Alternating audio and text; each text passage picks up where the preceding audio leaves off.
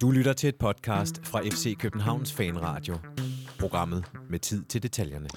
Det er i dag kun torsdag den 9. marts, og ikke fredag, som det plejer at være, men vi er alligevel trådt ind i vores lille studie i FC Københavns Fanklub. Vi optager nemlig i dag udsendelse nummer 400 i FC Københavns Fanradio. Ja, du hørte rigtigt, nummer 400. Vi har også lavet nogle specials og så videre, men almindelig udsendelse er det her nummer 400. Det skal vi snakke om, og så skal vi se frem mod Horsens Away på søndag, hvor der kommer rigtig mange københavnere til Jylland. Velkommen indenfor. Mit navn er Jonathan Folkvar. Jeg har en gæst med mig i studiet, og så har jeg en gæst på en fjernlinje. Vi har lavet det hele store udstyrssetup her, så han kan både se os, og vi kan se ham, og vi kan høre kirkeklokkerne i baggrund, og alt er i det hele taget næsten, som det plejer at være. Udenfor er det vinter, selvom vi er i starten af marts. Det er lidt underligt, men herindenfor er det dejligt varmt og hyggeligt, og jeg har en gæst med mig over for mig. Det er nemlig ingen ringer end formanden for lokalet, vi sidder i. FC Københavns fanklubs formand, Lars Thor. Velkommen til. Tak. Øhm, kan du huske, hvornår du sidst selv var med? Har du undersøgt det? Nej, det har jeg faktisk ikke haft tid til, men øh, du kan kigge ned over listen. Jeg tror, det det altså udover en enkelt gang igennem på en telefonlinje. Men, Det er rigtigt. Men derudover, så tror jeg faktisk, at vi, sidst jeg var med, der sad vi nogle... Nej, måske sad vi stadigvæk hernede. Ellers var det de gamle lokaler. Eller Er det sådan helt over i D-tribunen, eller er vi oppe på, på B-tribunen i en loge, eller hvor? noget. Nej, jeg tror, vi, jeg, jeg har sådan en idé om, det måske var D-tribunen. Ja. Men, men det kan også være, at jeg husker forkert. Det kan sagtens være. Øh, på en fjernlinje derhjemme, der sidder Mathias Holm Stenstorp. Velkommen til, Mathias. Mange tak. Øh, ja, hvornår har du sidst været med? ja, hvornår var jeg sidst med? Det var vel sidste uge, tror jeg. Ja, det var for Øh, sjov. Kom nu. før? Det- Nej, det var efter Aalborg. Det var efter- Aalborg-kampen. Det er rigtigt, det var efter Aalborg-kampen, øh, hvor du var i relativt godt humør. Øhm, nu er vi en dag tidligere på, og det er vi, fordi så kan vi nå at optage, og Lars kan være med, og du kan være med, og jeg kan få lov at holde fredag øh, afslappet for en gang skyld. Øhm, men som sagt, så er det her udsendelse nummer 400. Hvilket er fuldstændig bizart ind i mit hoved. Det har jeg prøvet at få mit hoved rundt om siden i går, hvor at Jonathan Løring, han sendte mig nogle, øh, hvad hedder det, øh, øh han sendte mig nogle stats omkring FC Københavns Fanradio. I går, da han trak tallene, der havde øh, vi samlagt, øh, eller det vil sige, der havde I samlagt derude, jer der lytter til det her, i havde trykket play, øh, det er lige før jeg kan finde et opdateret tal, men i hvert fald i går eftermiddags, der havde I trykket play, sammenlagt, skal jeg se det rigtige tal, 1.477.658 gange. Øh, og Lars han klapper herovre uden lyd. Øh, og det, når jeg snakker om at trykke play, så øh, er det også bare som sådan, som sådan en infoting, at når folk taler om, om podcast og lyttere, eller downloads, eller streams, så er det sådan, at man tæller efter, hvor mange er der bliver trykket play. Ikke hvor mange unikke lyttere der er. Jo, det er fedt, hvis du er annoncør, at vide, der er så mange øh, mennesker i alt, der trykker play på noget, hvor jeg kan have en, øh, en annonce. Men som udgangspunkt, så handler det om, at øh, lad os sige, du lytter en time, og så, eller noget var en time, så lytter du øh, måske tre øh, gange, trykker du play per time. Ergo, så genererer du som lytter oftest to til fire plays. Så her er altså trykket halvanden million gange, more or less, i den tid, vi har lavet den her podcast. Øhm, så fandt han, ja, det, det er jo sig selv er meget vildt. Det mest lyttede afsnit, det tror jeg er en mesterskabsfejring. Det er nemlig afsnit nummer 372. For den, nej, ikke, ikke, ikke Brandert øh, live podcasten over i Fælleparken Den var ellers god. i øh, 2019. Ja, det have været, det ja, var det været det. sommeren 19. Ja. Øh, der var der godt nok også øh, højt belagt på, øh, på alkoholfronten, men øh, sidste sommer, Sidste sommer. øh, 24. maj, øh, afsnit nummer 372, øh, det er det mest lyttede afsnit, øh, som ikke er en øh, special.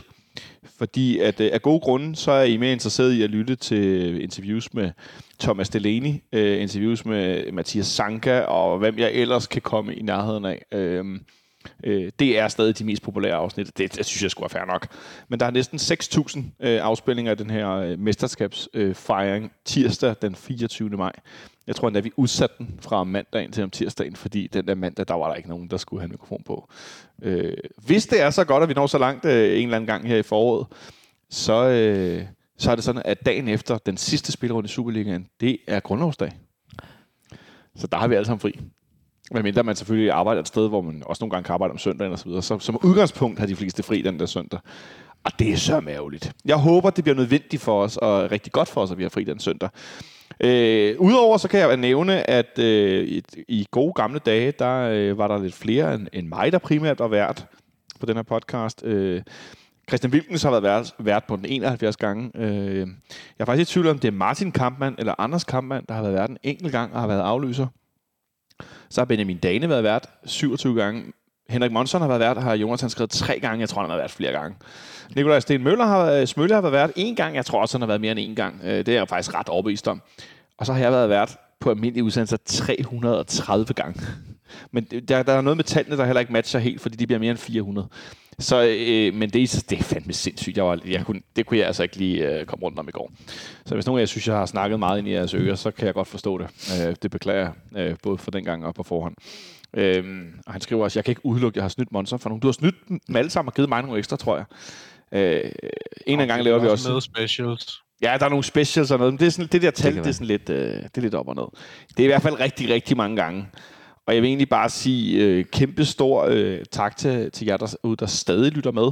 Nu snakkede jeg lidt om det her med, hvad hedder det, antal af, af, af, af plays og så videre, og jeg kan jo sige, at, at øh, når vi uploader sådan en udsendelse som i, i mandags, øh, nummer 399, så er der øh, 2.358 gange blevet trykket play lige nu.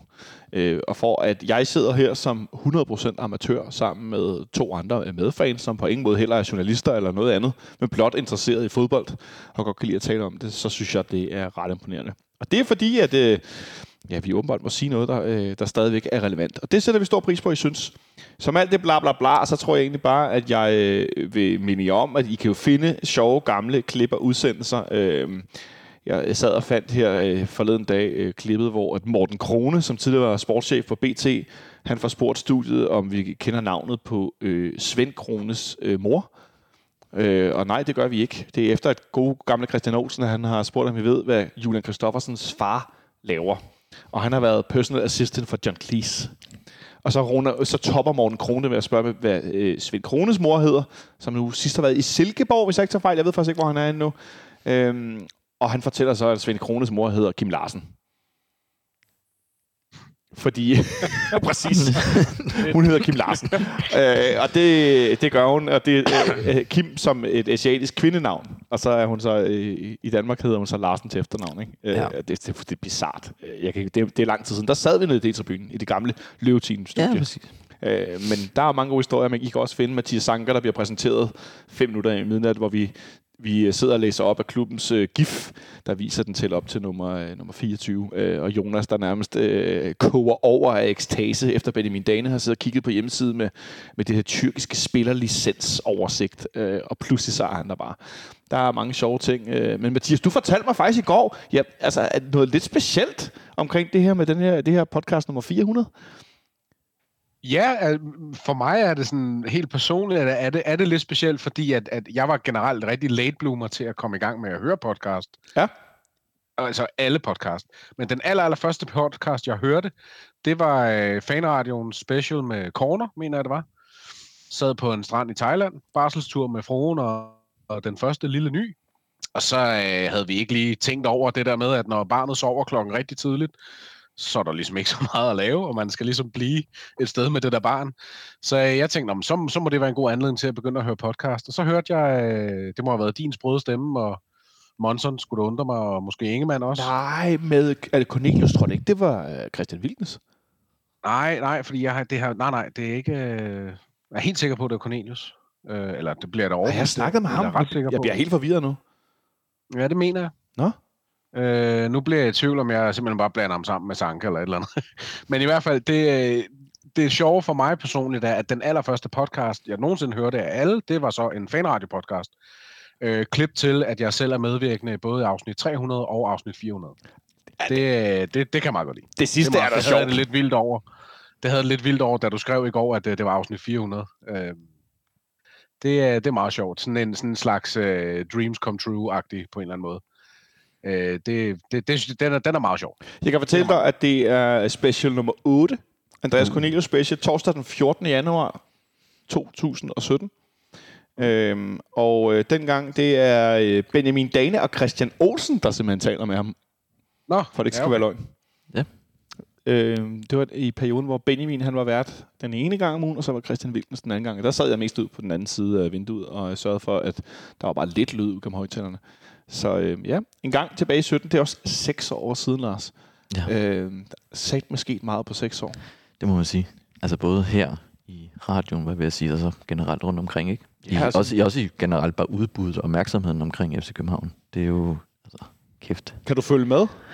Øh, jeg prøver. Altså, nu er jeg også lidt en late bloomer på, på podcasts, og, og jeg, jeg startede jo selvfølgelig med Løveteam og, og, og fanradio, men, men udbuddet, der lige pludselig er, plus man så også lige pludselig kan høre, hvad ved jeg, BT's transfervinduet og alle mulige andre øh, podcasts, så lige pludselig, altså, for, for filerne, man kan jo ikke, altså, der er virkelig, man må sortere nogle gange. Jeg skulle sortere med den grove kamp. Ja, det, det den helt grove kamp. Ja.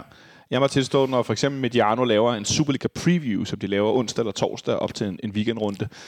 Ja. der er jeg ret glad for, at de laver tidskoder på deres podcast. For Tids, jeg, tidskoder er kod- tidskoder, undskyld, den snubler over. Ja, præcis, det er guld værd, Øhm. nogen vil jeg sige. Der er det lidt nemmere. Jeg, jeg prøver også at gøre det, når vi har mange forskellige emner for os her, og, og sige, om det handler primært om FC København.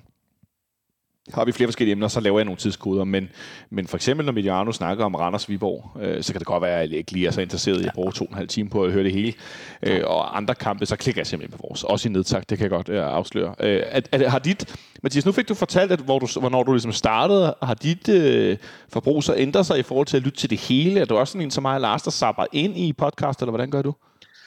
Ja, nej, altså, jeg, øh, altså der er selvfølgelig også noget grovsortering over det. Jeg, jeg har sådan en liste, der hedder, at jeg hører øh, fanradioen, selvfølgelig altid, og Absalons Radio, som min, ligesom min faste FCK-podcasts. Ja. Øhm, og, så, øh, og så derfra, så prioriterer jeg faktisk at høre øh, fulde Mediano-udsendelser, for eksempel, altså hvor, hvor I snakker om det der med tidskoder. Hvis jeg har travlt eller eller andet, så kan jeg godt finde på at hoppe ind på en tidskode, men for det meste, så vil jeg gerne høre hele preview og hele review udsendelserne, fordi at jeg også synes, det er interessant at, øh, at, at følge med i, hvad der sker i, i de andre kampe. Det er ikke altid, jeg lige når at få set alle kampe øh, i Superliga-runden, så det er en god måde ligesom konstant at holde fingeren på pulsen for mig. Øh, så, så det er ligesom den prioritering, jeg kører. Og hvis jeg så har tid i løbet af en uge, øh, hvis jeg har ekstra meget transporttid eller sådan noget, så, øh, så følger jeg så på derfra Okay. øh, med hvad der ender tilbage. Ja. Øh, men, men jeg får ligesom mit, som i udgangspunktet, der får jeg mit FCK-fix via, via fanradioen og via Absoluts Radio. Ja, det lyder meget bekendt for mit vedkommende, kan jeg godt øh, tilstå, at jeg også lytter til, til David og folket over på, på Absalons Radio. Øhm, og så lytter jeg sådan lidt rundt, men, men jeg synes godt nok, jeg har svært ved at følge med øh, efterhånden i forhold til, hvad der kommer ud af, af ting. Og ofte er det, at Præcis, andre, det ofte er det, at andre refererer, hey, jeg hørte det her, eller sådan kommer med, jeg ved i hvert fald fra, fra Lars nævner transfervinduet på BT, at ofte nåede jeg ikke engang til at høre det selv, inden øh, specielt Benjamin Dane har givet et, groft, øh, hvad skal man sige, referat, simpelthen hvad der er foregået, og hvad, hvad for nogle pinpoints, der er værd at tage med. Fordi han er Præcis. god til at trykke play, når det kommer ud, øh, mens jeg løber rundt på arbejde og laver alt muligt. Præcis. så, øh, så jeg er ofte nået til, at når, når, noget bliver interessant nok, eller når nogen taler om noget, der har været, ej, det er spændende, interview med en eller anden, øh, så, så, øh, så følger jeg op på det, men ellers er der simpelthen så meget. Jeg skal også se fodbold i tv. Altså på stadion, og øh, altså, ja. Ja, ja, og hvis man for eksempel, nu snakker du om transporttid, altså podcast er jo enormt god til transporttid. Jeg har for eksempel ikke særlig meget transporttid. For, Det har jeg heller ikke. Så, og det er virkelig svært nogle gange at sidde og lytte til nogen tale, mens man for eksempel selv skal skrive noget og sådan nogle ting, ikke? så bliver det sådan lidt. Ja. Så jeg må også sige, at det er netop det med grovsortering kommer også ind i det der med, eller det er faktisk godt, når man vasker op. Ja, det er godt at vaske op. Ja. Eller, jeg ved ikke, om det er godt at vaske op. Ja, når, når man vasker op. Jamen, jeg har en opvaskemaskine, så skal Ja. jeg heller ikke bruge det. Men Det har jeg ikke. Nej, men den skal jo tømmes og fyldes, og det alle de der hurtigt. ting, og borer skal tørres af, og alle de der ting.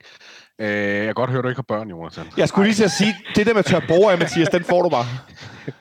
Øh, nej, det jeg bare vil øh, lige komme i tanke om nu, øh, jeg kan faktisk godt lide, i meget på det her med, at der er mange podcasts, men jeg kan godt lide den nye, som Bold.dk har lavet, den der hedder Hånd på, som jo er øh, en dommer, eller en tidligere dommer, der sidder og fortæller om, om kendelser i, i løbet af ugen. Øh, den, den, stiller, den stikker bare lidt ud i forhold til alle de andre fodboldpodcasts, der er. Øh, den, der, den, jeg synes bare, det, det, den er egentlig meget fed, ind- det jeg har hørt indtil videre i hvert fald, hvor man ligesom får nogle, øh, nogle forklaringer på, hvorfor er det sådan. Man kan sige, i den forgangne uge har der været rigtig meget debat om øh, Aske Adelgaard, den, den uheldige unge mand herinde i parken. Ja. Øhm, og der var det rigtig fint at høre det fra, en ting er, hvad man kan læse fra Ken Hansen og Benjamin Land og sådan noget på Twitter, men også at høre det forklaret med, hvad for nogle kriterier er opfyldt, og, og, øh, og for eksempel det andet gule kort til Ivancevic i, i parken mod, det er ikke for at begynde at snakke en masse om OB-kamp, det er bare for lige at nævne Mm. mm. berettigelsen for den podcast, at den så for, beskriver han ligesom de her scenarier med, at han siger, jamen, der er mange, der snakker om, at han skulle have en fingerspidsgefyl med, om, om var det nu rigtigt at give ham det andet gode røde kort. Så, selvfølgelig skal han jo have det, fordi at reglerne siger det, det, det, det, det. Øh, og der, der synes jeg bare, det er meget godt set at lave en podcast, der, der på ugenlig basis kommer ligesom med noget forklaring omkring det fodboldtekniske eller det øh, dommertekniske. Ja, fodboldlovtekniske vel endda. Fodboldlovtekniske, ja, men, men også fordi, at det er jo noget, vi diskuterer uge på uge på uge, øhm, og ofte så har det ikke, altså så diskussionen har ikke nogen relevans øh, i forhold til reglerne. Så kan det være i forhold til alt muligt andet, men, men, men det her med, at der er kommet en podcast, hvor man ugentligt kan tjekke ind og, øh, og, kan, og kan, ligesom kan få forklaring på de her ting, det, det synes jeg er fedt. Det må ja. jeg godt se. Det lyder i hvert fald øh, som en god... Øh en god øh, opklaringsdel af, af, af hele hvad skal man sige, fodbolduniverset. Der er lige en ting, vi skal tale om, inden vi skal over til den her, til den her Horsens kamp i, i weekenden. Og det er, det faktisk øh, i dag, øh, præcis i, i går var det syv år siden, at øh, jeg sad i et studie på D-tribunen sammen med øh, Christian Olsen og Christian Wilkens. Jeg tror, at Henrik Monson sad ude på den anden side af vinduet og var tekniker og producer. Øhm, og der havde floreret nogle historier i løbet af dagen, der handlede om, at nogen, det var vist allerede søndag aften, kom det, jeg er jeg ret sikker på, at der begyndte at florere screenshots og links til indlæg på det her øh, Brøndby Support Fan Forum, øh, Sydsiden Online, øh, hvor der var en bruger, der hed Oscar, som skrev på en ret speciel måde, hvor hvis man læste mange indlæg fra brugeren, så indikerede det klart, at brugeren var Jan Bæk Andersen. Og det kom ligesom, øh, det, det altså viste sig at være Jan Bæk Andersen. Og det snakkede vi om i podcasten der, og skrev også ud, og folk øh, begyndte sådan den aften, kan jeg huske, der var nogle journalister, der begyndte at skrive sådan, prøv vi er på den, og vi tager screenshots, og vi har gang i at finde ud af. Og så, øh, så viste det sig, at der var den her bruger øh, på Sydsiden Online, med det fuldstændig episke brugernavn, Sødruesovs øh, som øh, simpelthen har taget ja, sagt ja til øh, invitationen om at mødes med Jan Bæk Andersen og drikke kaffe. Og så har han været ude på stadion, og det var Jan Bæk Andersen, der var Oscar. Oscar, som vi senere hen fandt ud af, var Jan Bæk Andersens 11-årige søn, tror jeg, på det tidspunkt, som han havde opkaldt broren efter. Øhm, og så dagen efter, altså i dag for syv år siden, så var det, at Thomas Frank, han, øh, han simpelthen sagde op i Brøndby, fordi at mm. Jan Bækblad har skrevet nogle sindssyge ting om ham, og hvordan de handlede spillere, og ja, I kender historien. Øh, men det synes jeg er værd at markere, den her, lille, den her lille årsdag. Jeg kan huske, at jeg hørte den udsendelse. det er derfor, jeg sidder med et smil på læben. Jeg kan godt ja. huske den der... Hvad husker du? Jamen, jeg kan, det er jo, jeg, jeg, min hjerne... Jeg kan bare huske den der snak om, at i virkeligheden, det, det, det får jo lidt løben, eller hjulene til at spinde. Altså, jeg kan huske, at, at medierne begynder hurtigt at Jamen, jeg, jeg, det var bare sådan en vanvittig historie i virkeligheden. Den der, altså med, at her har du en bestyrelsesformand, der, der, der på et, et offentligt forum begynder at, at skrive de her ting. Jeg kan også huske, at man var inde og læse nogle af de der udtalelser. Ikke? Det var ja. sådan lidt, jamen, det er bare på alle måder sådan en vanvittig historie, og man kan ikke lade være med at trække på smilebåndet over, over man kan sidde herinde hos os og bare undskyld, bare sådan kalde den på en eller anden måde, ikke? Eller ikke kalde den på den måde, men, men sådan bare følge med i, hvordan det der lige pludselig bare bliver sådan, hvad siger man, øh, travlet op i virkeligheden, ikke? Det blev i virkeligheden travlet op. Mathias, kan du huske øh, de her dage omkring hele Oscar-gate og det her pressemøde, hvor øh, Jan Bæk sidder og ligner en, der er blevet taget med fingrene i kagedåsen og så videre? Ja, det kan jeg godt. Jeg kan huske, at det, at det starter med, at, at der sådan begynder at florere, hvad man vel i dag vil kalde for memes. Øh, altså nogle, nogle, nogle billeder med, med en Oscar-statuette. Jeg tænker, hvad er det, der foregår? Jeg, jeg kunne simpelthen ikke forstå, hvad der foregik. Jeg havde ikke fanget det, alt, alle de her ting. Og så... Øh, Øh, nogle, min, for, nogle af mine Brøndby-kollegaer, de, jeg kunne godt se, at de begyndte at, altså de, de var helt ude af sig selv på, på kontoret, på arbejdet, og hvad, hvad, jeg var sådan, hvad er det, der foregår? Jeg, jeg havde slet ikke forstået, hvad der, hvad der foregik. Jeg tror måske, jeg tror ikke, jeg på det tidspunkt var på Twitter endnu, så jeg var ligesom ikke inde i den nyhedsstrøm. Øh, og jeg tror ikke, øh, hvad, det, var, det har været, hvad, var det ikke i 16, siger du, ikke? Så det vil sige, øhm. det er også før, jeg har været øh, i podcast. Øh, hvis, det, hvis det er syv, ligesom været, syv år siden, så er det 16. Ja. Så er det 16, ja, præcis. Ja, så stemmer det. Øh, fordi at jeg, var, jeg var slet ikke inde i, i hele den der øh, nyhedsstrøm, hvis man kan kalde det det. Så lige pludselig så begyndte det bare at brede sig. Jeg forstod ikke helt, hvad der foregik. Og så da jeg så ligesom, øh, da en af mine Brøndby-kollegaer, han ligesom lagde teksten ud for mig, så der, jeg tog nærmest fri resten af dagen. Altså, det gjorde jeg i praksis. Det gjorde jeg, øh, altså, der, der gik resten af dagen bare på at mobbe og mobbe og mobbe endnu mere. Fordi det, det, det er jo også det fede ved rivaliseringer, når, især når det går til ens egen fordel, at, at man ligesom kan, kan køre lidt ekstra med sådan noget. Men det, det, det var for vildt, og jeg kan huske, at jeg ikke helt troede på det, lige indtil Thomas Frank han stod der og, og sagde op, og det er jo heldigvis ikke gået, gået, gået særlig godt for ham siden da, kan man sige. Så det, For Thomas det, Frank? det gør nok overhovedet ikke ondt. Ja, det var ironisk. Nå, jeg skulle sige, det går da meget godt. Okay, der, den røg hen over på mig. den måde, det, det gør nok ikke ondt ude i Brøndby overhovedet. Det Nej, nej. Han havde nok ikke taget dem nogen steder. Øh, nej, tak for det. Apropos med, med podcast og afspilninger og sådan noget, så kan jeg jo sige, at det er afsnit 42 til dem af jer, der har lyst til at lytte til... Øh, jeg kan huske, vi sad og snakkede inden udsendelsen, når vi skulle tale om det, og den gode Christian Wildens, han var ikke meget for det. Og så får vi alligevel sporet os ind på det, og han stiller nogle meget små, vage spørgsmål, så det ikke er ham, der udlægger teksten. øh, jeg, kan, jeg synes, jeg kan huske at have genhørt introen til... til øh, ja, det var måske afsnit 300, hvor du spillede det måske, men et eller andet med, at, øh, at Christian Olsen bare rigtig gerne vil snakke om det, og Wilkens han ville det faktisk. Præcis, lige præcis. Det kan jeg anbefale at lytte i i starten af afsnit 42. Det er fra den mandag den øh, 7. marts 2016. Øh, Og apropos afspillinger, så har det næsten 4.500 afspillinger. Genialt. så der er nogen, der har været tilbage. Det kunne være, man skal lige høre det på vej hjem. Og den faktisk. Lige- efterfølgende afsnit 43, der er det jo er foregået i løbet af ugen. Det er så fra om fredagen den 11. marts, og der bliver det ligesom rullet ud det hele efter. Og der er også popcorn-lyd med i den der mandagsudsendelse osv. Øh, der bliver spillet noget jingle der. Nå, jeg synes ikke, vi skal øh, vande vores egen mølle mere øh, for den her omgang. Det må være rigeligt. Nu synes jeg stadig, at vi skal tale om det, som vi faktisk er for, nemlig FC København. Og det er jo derfor, at vi er på stadion. Det er derfor, at vi laver podcast. Og det er derfor, at vi faktisk kender hinanden. Det er nemlig på grund af FC København. Så uden øh, FC København, så havde vi aldrig siddet her på hjørnet af den her store bygning, og vi havde formodentlig aldrig nogensinde lært hinanden at kende. Det synes jeg nogle gange, man skal tage med, øh, når folk snakker om øh, også i corona. Hvad er det, der er vigtigt, og hvor, hvorfor er det egentlig, og åh, vi kan ikke stå og synge på tribunen. Ja, men husk nu, hvis der ikke er noget fodbold, der er ikke noget fodboldhold, så havde vi nok aldrig mødt hinanden. Så øh, derfor skal vi selvfølgelig tale om den her kamp på søndag. En kamp, der skal spilles i Horsens, og når man åbner fck.dk, nu virker det på min computer, det har ikke virket en halv time, hurra!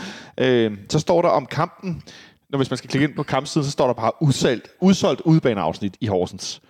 Det er blevet udvidet, og det er blevet udvidet igen. Så nu er der to sektioner på langsiden, de kan flytte hegnet, og så er det bag målet, den her lave indentribune. Så er der nu er solgt 1800 pladser til det her udbaneafsnit i Horsens. Så mange har der ikke været på udbanetur siden den 18. maj øh, for nogle år siden, Mathias, øh, hvor der var nogen, der spillede derovre, hvor der også var rigtig mange udbanefans, øh, som var, var nok lidt mere selvsikre omkring alt muligt, øh, end vi kommer til at være på søndag, selvom det går meget godt i øjeblikket. Øh, Lars, øh, nu kan jeg jo ikke sidde og reklamere for en bustur, som er udsolgt, men I sender bus over i Vi sender en bus, og, og man kan sige, det er jo super fedt, at vi ikke behøver at reklamere for det. Virkelig. Det er jo, det er jo, men det er jo kendetegnet efterhånden ved den her sæson, ikke? At, at der, er jo, der er jo rift om billetterne, der er rift om pladserne. Jeg vil dog lige indskyde, for det snakker vi også om, at skær torsdag den 6. april, Ja. der er der en pokalkamp øh, kamp i Vejle. Der har vi stadigvæk en, nogle pladser i bussen. Hvis man har lyst til at tage en, øh, en tur til Vejle og se pokalen. Så der kan man jo lige klikke ind på fckfc.dk og lige tjekke busturene. Hvis man nu, når man nu forgæves kigger efter en Horsens øh, bustur, så Den er, til Vejle i stedet for. nemlig, den er nemlig blevet fastlagt, den her kamp. De var ja. Lidt i tvivl indtil den anden dag. Og Ja. det er skær torsdag. Det er en helig dag. Og ved mindre man har et funky arbejde, så har man også fri om fredagen. Ja, og det kamp er jo kl. 19.30, og så vidt jeg husker, er der mødetid kl. 14 ved busserne. Ej. Så, øh, og det tager jo alligevel et, nogle timer at komme til Vejle, så man skal få en rigtig dejlig skær torsdag. Hvis nu jeg siger kørende julefrokost, Mathias, hvad siger du så? Nej, ikke julefrokost. Påskefrokost. Det- Påskefrokost. Det er et koncept, der holder. Ja, men det, det, det lyder godt, det må jeg sige. Det, er, det frister. Øh, jeg skal desværre ikke selv til Vejle, men jeg tænker, der er rigtig mange af jer andre, der skal derover. Det er et relativt stort udebaneafsnit, der er i Vejle.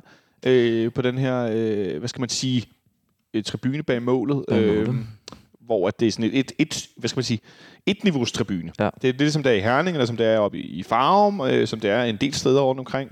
Øh, I Viborg for den sags skyld. Øh, og jeg synes faktisk, det er, det er et meget fint sted at se fodbold. Jeg har været der nogle gange. Jeg var der den første gang, at man kunne tage på ud, eller det var første gang, jeg i hvert fald skulle bruge det, med FCK Away Det er rigtigt. i Nå, ja. efteråret øh, 2008, må det have været. Ja, det må det. Åh, Ja. ja. det, er så, det har det det været. er så langt. Det, det ved jeg nogle forskellige årsager. Det, det ved Ja. ja. jeg da. øhm, hvor at jeg ikke havde fået øh, noget, taget noget billede til mit away-kort, så jeg stod derovre og, og var ikke helt øh, appelsinfri. Og skulle så have taget det her Det det der. billede. Og jeg stod op på hegnet, og en af, en af vagterne tager et billede af mig. Det er stadig på mit away-kort. Og jeg skal æde og dyme med love for, at jeg ikke er super på det billede. øh, Mathias, du er markeret uden anden ende. Jamen, jeg vil bare sige, i forhold til den her bustur, øh, som, som et lille salgsargument nu, nu har der været rigtig meget berettiget ros af, af DR's dækning af pokalen. Åh oh, ja. Men øh, hvis, hvis, man så, øh, hvis man så tænker, at jeg bliver hjemme, fordi jeg vil gerne øh, se den her fremragende tv-dækning, så, så bliver man altså skuffet, for den bliver vist på Viaplay. Så, øh, øh, så kan man lige så godt tage bussen til Vejle. En dækning, som, øh, som er så god og så grundig og ordentlig, øh, så de faktisk vandt en, en, en øh, pris i det her årlige øh, medie, øh, hvad skal man sige, event, eller sådan, øh, det hedder det TV Grand Prix, tror jeg måske faktisk det hedder, ja. hvor man uddeler tv-priser for i alle mulige kategorier, der vandt de for årets øh, sportsdækning af deres kamp mm. i pokalen mellem Aarhus Fremad og Brøndby. Oh, det er jo svært ikke at glæde sig. man jo til at sige, øh, det, det, det, kan, det der er jo kun et ord til at, til at, til at beskrive, og det er, jo, det er jo en joke. Det kunne man sige. Øh, kommer man på, hvor man arbejder hen. Man kan også sige, at det var velfortjent, de vandt. Øh, fordi den, det var også en fin kamp. Øh, men i hvert fald, så skal vi spille øh, mod, mod Vejle der i påsken, og øh, det tror jeg bliver en rigtig, rigtig sjov udbanetur for dem, der tager afsted.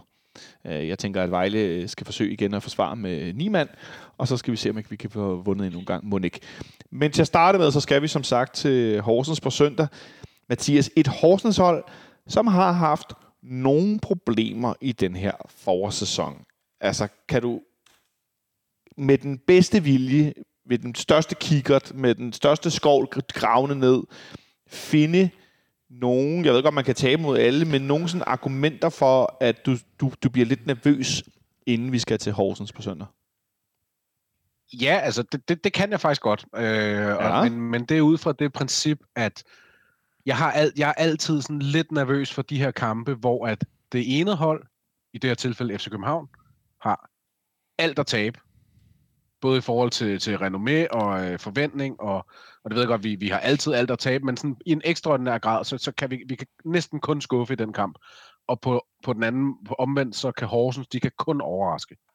Og den type kampe er jeg altid per natur en lille smule nervøs for.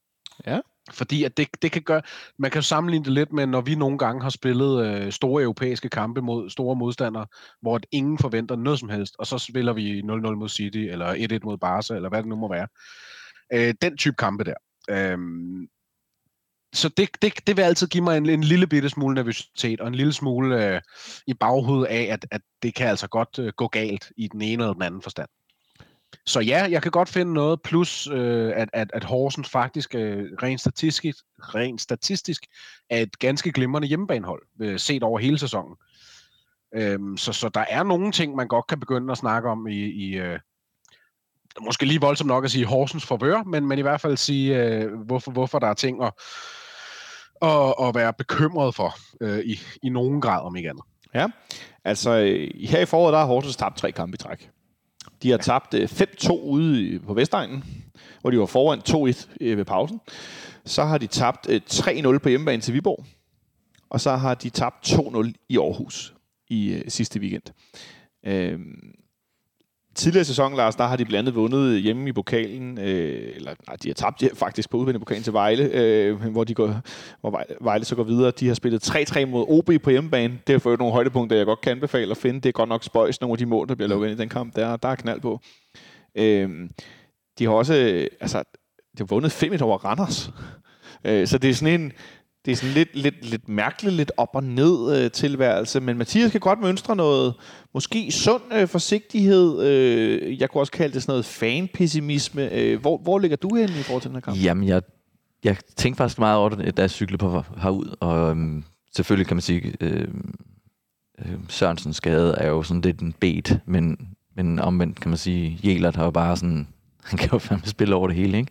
Øh, men så kigger jeg sådan lidt på statistikken, og jeg er lidt, lidt på samme, og det har det altid sådan med Horsens, man ved aldrig helt, hvor man har dem. Altså, især når de spiller hjemme, der er den der, nu bruger udtrykket traktorfodbold, som det lidt er, ikke? Altså, det er jo, det er jo det er jo, nu så jeg også nogle statistikker, det er jo, altså deres takling, altså det er jo en af de hold, der takler flest. Altså de mest, takler mest. De takler mest i ligaen, og, og man kan sige, altså man skal jo ikke underkende, altså det er det fjerde bedste hjemmehold i Superligaen, uanset om de så lige har tabt øh, tre kampe i træk, så er det faktisk jeg, det er jo ikke mange hjemmekampe, de tabte. De tabte så den, du nævner der, ikke? Men, ja. men det er to udekampe, de taber. Øhm, og altså, vi har, det er kun, vi har fået to point mere end, end Horsens på hjemmebane. Øh, de har et snit på 1,8 på hjemmebane. Jeg synes, altså, som, det er sådan en størrelse, man ikke helt ved, hvor man har dem. Og så, så det ligger meget op til, hvordan vi præsterer i virkeligheden. Men efter det, jeg har set i, her i foråret, så er jeg bare sådan lidt... Ej, jeg synes simpelthen, der er så meget... Jeg har så meget tro på det, faktisk. Så det, den lidt overskygger faktisk den der pessimisme, som, som er der et eller andet sted. Men jeg synes simpelthen, det har set så... Der er et eller andet... Der er et eller andet... Øh, Hvis du skulle prøve at forklare, hvad det er, du synes, der er anderledes. Prøv at sætte Ja. sådan ord på. Hvad Jamen- er det, der gør, du får den her tro? Ja, jeg tror simpelthen, der, er, der, der virker bare, der er bare sådan en, op, en, en optimisme eller tro på tingene. Altså øh, ikke mindst personaliseret ved Næstrup. Jeg ved, det er en klassiker efterhånden, at vi, vi, vi, kan, vi kan sige det. Der er jo grund til, vi siger det. Ja, præcis. Altså, der, er jo, der, er jo, der er jo sjældent øh, ild uden røg, eller hvordan det nu er. Men jeg synes jo simpelthen, at det, jeg synes, det smitter af på spillerne. Jeg synes simpelthen, at der, at, at der er nogle spillere, som igen bare har trådt i karakter. Jamen, jeg, jeg, jeg, jeg jo, nu ved jeg, der har været diskus- Jælert før, ja. Ja, præcis. Jælert, men jeg, jeg sad lige og kiggede. Vi har jo, altså, vi har en stamme. Jeg, vi ser en, en, en læge af jer, synes jeg simpelthen. Altså, jeg, jeg, jeg ved, at han deler vandet stadigvæk, og han kan godt forsvinde ud, men jeg synes simpelthen, den energi, han kommer med på banen, og den, den presence er, er second to none. Og jeg synes en, selvfølgelig en Haraldsson, det kan være, at han mangler lidt, Ja. han mangler lidt produkt på, men jeg synes simpelthen, der er sådan en, en og, og Grabara, altså lige nuagtigt Grabara, tror jeg faktisk også gør, at jeg har sådan en tro på, at jamen, vi tager sådan en, nu foregriber jeg Ja, ja men sig, sig, sig. Ja, vi tager sådan en 2-0. Altså, det er jo ikke kønt, men det er bare en 2-0. Altså, videre -agtigt. Fordi vi tror, vi ved, vi kan gøre det der. Øh, og, og spilleren, jeg synes simpelthen, der, er, jamen, der virker som en glæde. Der er en glæde. Det, det er jo selvfølgelig svært at vurdere, når man kigger udefra. Men det virker som om, der er, der er sket et eller andet helt sindssygt over efteråret med, og hen over vinteren med de her spillere, som, som bare, hvor jeg bare tænker, der er sådan en tro på tingene. Altså selvom, nu har vi jo ikke været bagud sådan rigtigt, men altså, Ej, kan jeg vide, ikke. kan jeg vide, hvornår vi sidst har været bagud i en kamp? Nu, jeg, jeg, Det var vi i Brøndby. det var vi i Brøndby. Brøndby. Det kan du bare se. Mathias har Præcis. slået det op. Men sidste gang, hun Præcis. scorede mod os, Lars, det Ja. var Evander, der scorede på frispark herinde i parken. Ja, det, I er det. efteråret. Præcis. Hvor den rammer jorden og var, dømmer den Ja. ind, og det er den også. Øh, men, men så ja, vi har ikke været bag. Hvornår, hvornår, hvornår spiller vi ude? øh, Vi spiller mod Brøndby? Ja, men det er ikke noget med Grabara også. Og op hvornår det er, jamen det er vel, i, det er vel en gang i september eller sådan noget. Sep- øh, fordi det er der, hvor september. Rooney han scorer til allersidst. Præcis. Ja. Så vi har ikke været bagud i en Superliga-kamp siden september. Al- Alene det er jo også altså, nærmest bims Præcis. at tænke over. Jeg synes, jeg læste et eller andet sted, og nu må jeg rette mig, hvad er det Grabara op på hvad, 540 minutter uden øh, mål imod sig, eller sådan noget lignende. Er det, ikke, altså, Ja, igen, det viser, altså, jeg har altså, jeg ved, han 538, igen, Ja. ja, præcis. Jeg synes, jeg, altså, og netop det faktum, at han, altså, har en autoritet der, og altså, godt være forsvaret nogle gange, stadigvæk kan sejle rundt dernede, men altså, folk kæmper jo for det. Altså, det er jo, øhm, og, det, og det er den tro, jeg tror, at hvis man, den kommer simpelthen også til at være udslagsgivende for foråret. Altså, jeg, jeg, jeg, jeg er ikke jubeloptimist, men jeg synes, der er en begrundet optimisme også i, mod det endelige mål, ikke, kan man sige. Øhm, så, så ja, skepsis over for, at, at Horsens kan, kan godt drille. Det kan, det kan de, men jeg tror simpelthen også, at spillerne er så... Det kører så godt lige i øjeblikket. En, øh, Mathias, øh, ja, er det noget med Grabatas antal øh, minutter med clean sheet? Ja. Ja, det er 558, nu slår jeg Ja. lige op. Tak. Og hvordan er det, Og rekord, derudover, rekordlisten lyder? det er rekorden, som han selv satte sidste sommer, eller sidste forår, det er 763. Så det vil sige, at vi skal køre clean sheet øh, mod Horsens og mod Viborg, og så øh, lidt ind i den første øh, mesterskabsspilkamp, okay. hvor han slår sin egen rekord, hvilket jo i sig selv er, er fuldstændig vanvittigt at snakke om, at han øh, for anden sæson i træk kan sætte rekord og endda slå sin egen rekord. Ja. Det, det er lidt voldsomt. Øh, Lars er lidt inde på det her med, at det virker som om, at der er en anden øh, optimisme, der er en anden glæde. Hvis nu jeg spørger dig, Mathias, når vi nu vælger at spille videre, altså på, forstået som at blive ved med at angribe mod, øh, mod OB i weekenden, og ja, de var en-to mand i undertal, men man ser jo ofte, når et hold er foran 3-4-5-0, så stopper man med at spille. Man skruer simpelthen 10, 20, 30 procent ned for tempo, for energi, og så kan modstanderen, modstanderne, selvom de er i undertal, godt løbe sig med og lige få forsvaret, og så scorer man måske et mål eller to, men ikke flere, fordi ah, det er sådan lidt ligesom, når man spiller mod et dårligt hold, så kommer der også nogle gange ned på deres niveau, i stedet for at fortsætte på sit eget niveau, hvilket i virkeligheden er noget af det allersværeste, øh, at, at bibeholde sit eget høje niveau mod nogen, som er ja, dårligere, øh, langsommere, øh, tungere. Men det lykkes vi i allerhøjeste grad med i weekenden øh, mod OB. Og vi så Mathias Kevin Dix inde på Superligaens øh, rundens hold ud fra statistik, er jeg ret sikker på, at det bliver givet. Der ender han simpelthen som vensterbak på, øh, på rundens hold. Øh, fordi han laver en assist, og han har nogle bolderobringer, har nogle taklinger, og så kan man tale om, at han kommer ind til sidst, og det er lidt en pile baggrund. Men det er på statistik, de laver deres hold. Øh, men den måde, han, det, det egentlig bare vil sige, var, den måde, han jubler på efter det sidste mål, som om, at han nærmest lige har øh, løftet øh, VM-trofæet sammen med både Messi og Maradona på én gang. Øh, hvad, hvad siger det dig, Mathias, om, om, om, og ja, om hvad skal man sige, indstilling eller øh, med den mentale temperatur, der er på vores hold?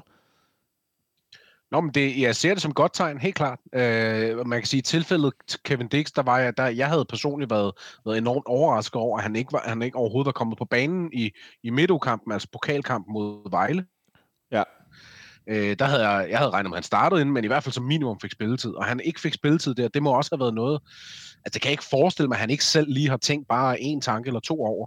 Så at han så kommer ind her mod OB, øh, desværre på en, på en trist baggrund i forhold til Christian Sørensen, men han kommer ind og, og, og, og spiller rigtig fint. Øh, det, det må give noget. Altså selvfølgelig, han, nu ved han, at han kom ind med en god præcision, og han ved 98% sikkert, måske endda 99,5% sikkert, at den her plads, det er hans. Fordi at der er ikke rigtig så mange andre baks. Det er ham og Peter Ankersen. Øh, og jeg tænker, jeg forestiller mig, at Dix, han er, han er foran Peter Ankersen på, øh, på højre bakken, vel at mærke. Øhm, så jeg tænker, det, det er godt at se. Altså, det var en god kamp for ham i forhold til, at han blev ikke, han blev ikke rigtig udfordret defensivt. Øh, det siger sig selv med, med OB's mangler. Men at han også kunne komme meget i feltet. Han kunne være meget angrebsivrig, som jo er det, Dix vel egentlig faktisk er bedst Åh, oh, nu forsvandt Mathias et øjeblik. Det er glæden ved at lave. Uh, Mathias, du har lige været forsvundet et øjeblik. Du sagde noget med, det, det Dix han er bedst til. Hvad siger du så efterfølgende? Ja, nej, ja, ja, Dix, noget af det, han er bedst til, det er at komme i feltet øh, og, og, være, og være offensiv bak, øh, målscorende bak, målfarlig bak. Øh, det første halve år, han spiller i klubben, der får han jo scoret en masse mål, og var jo vel egentlig i det halve år sammen med Jens Dage og Pep Biel, var vel nogle af de bedste spillere i klubben. Øhm, og det er jo også det niveau, vi håber som fans, vi håber, han kan komme tilbage på. Ja. Øhm, så jeg synes at det var fint at se, at han kunne komme ind, og så, og så siger det, så jeg kan godt forstå, at det må en eller anden form for forløsning for, om han kommer ind og får en, en, en skal vi kalde, tør jeg kalde det, en faktuel assist, øh, så han lægger den, hvor han lægger den af til, øh, til hvad hedder han, til, til Motorame, der sparker den ind til 7-0. Øh, før det havde han også fået en, øh, en, en, en halv assist, kan vi kalde det det, hvor han sparker på mål, og så via lidt bandespil rammer han Falk i maven, der så scorer. Øh, den tæller nok ikke helt som assist. Men, men, men, men det er jo selvfølgelig det er jo godt for ham, det er jo, det er jo den bedst mulige måde, han kunne komme ind på holdet på, efter overhovedet ikke at have fået spilletid. Og nu stå til at være, at være fast starter. Ja, det, øh, det, det er i hvert fald et, et, et, synes jeg, et meget godt billede på, at være reserve, være reserve og kæmpe for det, og være nede i Bølledal i efteråret og skrue op igen, og så kommer man ind og får lidt spilletid i en kamp, der er afgjort, og så bliver man alligevel så glad for at være involveret. Det synes jeg i hvert fald vidner om en ja, god karma i virkeligheden, øh, at, at, at, at man har det godt sammen. Men, men det er jo også det, vi har brug for, kan man sige. Ikke? Altså, at den, næste, der er klar, er klar. Altså, vi har så mange sæsoner igennem jo netop set, der har stået reserver, som bevares, sikkert har virket klar, men, men måske ikke har haft kvaliteten til at, ja. at, at tage gå ind, ikke? Og vi skal jo alle, nu kommer der nogle pokalkampe, og, og vi ser også lidt tynde ud på nogle enkelte positioner stadig i forhold til skader og karantæner, ikke? Øhm, så, så det er jo super vigtigt, at dem, der, som er næste mand, også leverer det. Altså, øh, tag en Isak for eksempel også, øhm, som altså, der er, jo nogle, der er jo nogle spillere, som simpelthen ikke, jamen, de er ikke starter, men når de kommer ind, så skal de også bare levere. Og der, det er der, bare ikke, der er jo ikke tid til det nu. Der er ikke tid til, at du skal begynde, og du, så, du, så det undrer mig faktisk, altså, det var sidebemærkning, det undrer mig faktisk også, at man kan sige, at, at for eksempel ikke Dix fik pokalkampen. Jeg synes, der var nogle spillere, hvor man så havde tænkt, uh. Det var lidt overraskende. Ja, der var, det, men, men jeg tænker, der er mening med galskaben, og jeg har for en gang skyld fuldstændig tiltro til vores cheftræners uh, dispositioner. Øhm, havde det været den anden en, så kunne man, så havde man nok stillet nogle spørgsmålstegn ved det, men her der er det sådan lidt, nå jamen selvfølgelig. Der er, en, øh, der er, en, der er mening med galskaben. Jamen det er det, jeg tænker. Der var markering. Ja, ja men, og, og fuldstændig enig. Det, nu vil jeg bare, komme jeg bare til at tænke på, da, da Lars han, han nævnte Isak. Han er jo også et, et glimrende eksempel på den her øh, trupharmoni. Altså han står som en spiller, der øh, på det tidspunkt ikke har været på banen endnu her i foråret, og, og står og jubler over Havkons 4-0-scoring. 5-0-scoring. 5-0-scoring, ja. Øhm, altså, som, som var han tæt på holdet, og, og det, det, det kan vi jo ikke sige, at han ikke er. Men det er bare i, i forhold til den der mentalitet, der virker til at være i truppen, at en spiller som Isak, som, som med rette må føle sig lidt... Øhm, altså om det er hans egen skyld eller ej, men han, han er nok længere forholdet, end, end han eller nogen andre havde regnet med. Øh, så at han på den måde kan være så glad på hans rigtig gode ven Havkons vejen selvfølgelig, men også han, han har den her professionalisme, som jeg tror passer rigtig godt ind i truppen. Og jeg synes bare, det var et rigtig godt eksempel på, på, på det, du selv nævner, Jonathan. Altså den her trupharmoni, der er lavet til at være. Jeg kan anbefale et, et, et to øh, minutter langt interview med Isak Bergman Johannesson på øh, FCK TV. Ja, man skal enten have den her app, eller gå ind på øh, tv.fck.dk, hvor han øh, siger til citat blandt andet, jeg har altid været stærk mentalt, og taler om det her med at være klar, og taler om, at min tid skal nok komme. Vi skal huske på, at Isak er altså stadig kun 19 år. Ja, der er faktisk et... Øh, nu skal jeg selvfølgelig... Nu mailer man sin egen kage lige her. Ja, ja, men der er, der, er, der er et interview med, med islændinge i Brølet faktisk. Øh, Altså fanklubbens blad. Flanklubbens blad. Ja. Øh, jeg skal ikke sige... Jeg kan ikke, jeg kan ikke lige huske, om der lavede interviewet, men øh, jeg husker, at, øh, at der også... Ja, okay, det var mig, der lavede det. det kunne jeg ikke. Men, øh, Nå, men, men, og så men kan du citatet helt ordret. Nej, jeg kan faktisk ikke, ikke citere det, men det var faktisk med den oplevelse af at sidde med især ham og så øh, Havkan. Øhm, han, især, især Isak, han imponerede mig virkelig, han har jo kun været 18 år eller sådan noget, på vej til at blive 19, men der var simpelthen sådan en, en altså professionel mand gemt i den der dreng, som han stadigvæk, de var, når de var sammen, så var de virkelig knægte, men han var, altså, når man så snakkede med ham om fodbold, så var han, altså, der var, det var benhård professionel. Der var ikke, altså, der var noget bullshit. Og det, kunne jeg, det kan jeg virkelig godt lide ved ham et sted. Altså, og det er jo lidt, tror jeg, det der skinner igennem, også det han siger der. Jeg tror, der, Ja. han ved, hvad han vil. Og så, ja, så kan det godt være, at han ikke spiller lige nu, men han kan heller ikke tillade sig at ikke at være klar. Altså, eller blive sur over det, eller det kan man jo godt, men, men han ved også godt, at han skal være klar, når han skal spille. For Ja. ellers så bliver han bare på bænken. Altså, og det, det, det, synes jeg bare skinnede igennem med ham, når man sådan snakkede med ham om, sin, om hans fodboldkarriere allerede for, det var et år siden, tror jeg næsten, jeg lavede det interview, ikke? Ja. Øhm, og det var det samme faktisk også med, med Havkon, ikke? Altså, de, selvom de var knægt, jamen, der, der er noget, Ja. det, og man kan godt se, hvis Isak, at han kommer fra en, en, en familie med professionelle, fo- altså hvor, altså der, han ved, altså han har opvokset i det der miljø, det er, uden at selvfølgelig vide det, men det virker virkelig som om, at det har også smittet af på ham som, som person og, og fodboldspiller, ikke? Altså det, det nytter ikke noget at slå op i banen, Nej. Fordi du lige sidder udenfor, og det var meget en floskel at slå op i banen, men... Nå, men det er jo rigtigt. Det er det der med at lade være med at Ja. løbe de ekstra meter. Det er ikke at give og, og, det gør, og, det, og, og, og det var derfor, jeg også lige nævnte sådan som Havkon øh, tidligere som en spiller, som jeg sagde virkelig, jamen der mangler en output, men er du gal, han tager nogle hissige løb. Altså det er jo helt sindssygt, så meget han løber på den bane, ikke? Altså så i det øjeblik, så spiller han jo nærmest sekser, så har vi ham som nier. Altså det er nogle, det er nogle, nogle drenge, som jo virkelig bare ved det der, og, og så giver de sig 100%, og, og det gør han jo så også der, når han så gør, hvad han er på bænken, so be it, men jeg, jeg jubler stadigvæk. Ikke? Og det er jo Ja. det, vi andre også gerne vil se. Vi gider jo ikke se den der spiller, undskyld mig, som, Nå ja, okay, det var mig, der skulle spille cheftræner. Jeg gider ikke. Ej, så er der nogle af dem, som, som også har taget skeen i en anden hånd. Peter Ankersen, vi talte om, som, som har haft den lidt, lidt, i nogle perioder, ikke virket så tilfreds, men nu har han taget skeen i en anden hånd, og han øh, fik jo så brokket sig til et godt kort mod Vejle uden for banen. Det må man da sige også er at involvere sig. Mathias, kan du huske første gang, vi mødte Horsens i den her sæson? Ja, det kan jeg godt. Ja, hvornår var det? jeg godt. Jamen, det var øh, den første runde øh, på hjemmebane. Ja, og hvordan, hvordan gik det? Hvor vi, ja, det, det gik ikke super godt. Det, vi tabte 1-0. Det gjorde Jeg vi. havde holdt mig vågen og sad klokken næsten midt om natten i Malaysia for at se kampen. Super. Så endte jeg med at drikke par ekstra øl i stedet for. det, det, var ikke, det var ikke det bedste. Det, det, det må jeg sige. Jeg, øhm, det var en, en nedtursaften. Ja. I, Vi- I allerhøjeste grad. Vi taber 1-0, øh, og manden med det fuldstændig fantastiske navn, Lubambo Musunda, det er et helt vildt fedt navn, øh, scorer i, i anden halvleg. Han spillede for en rigtig, rigtig god kamp, kan jeg huske. Øh, og så taber vi 1-0, og vi ser ikke engang bare sådan lidt sommerferie, første kamps sløje ud. Vi, vi ser virkelig dårlige ud.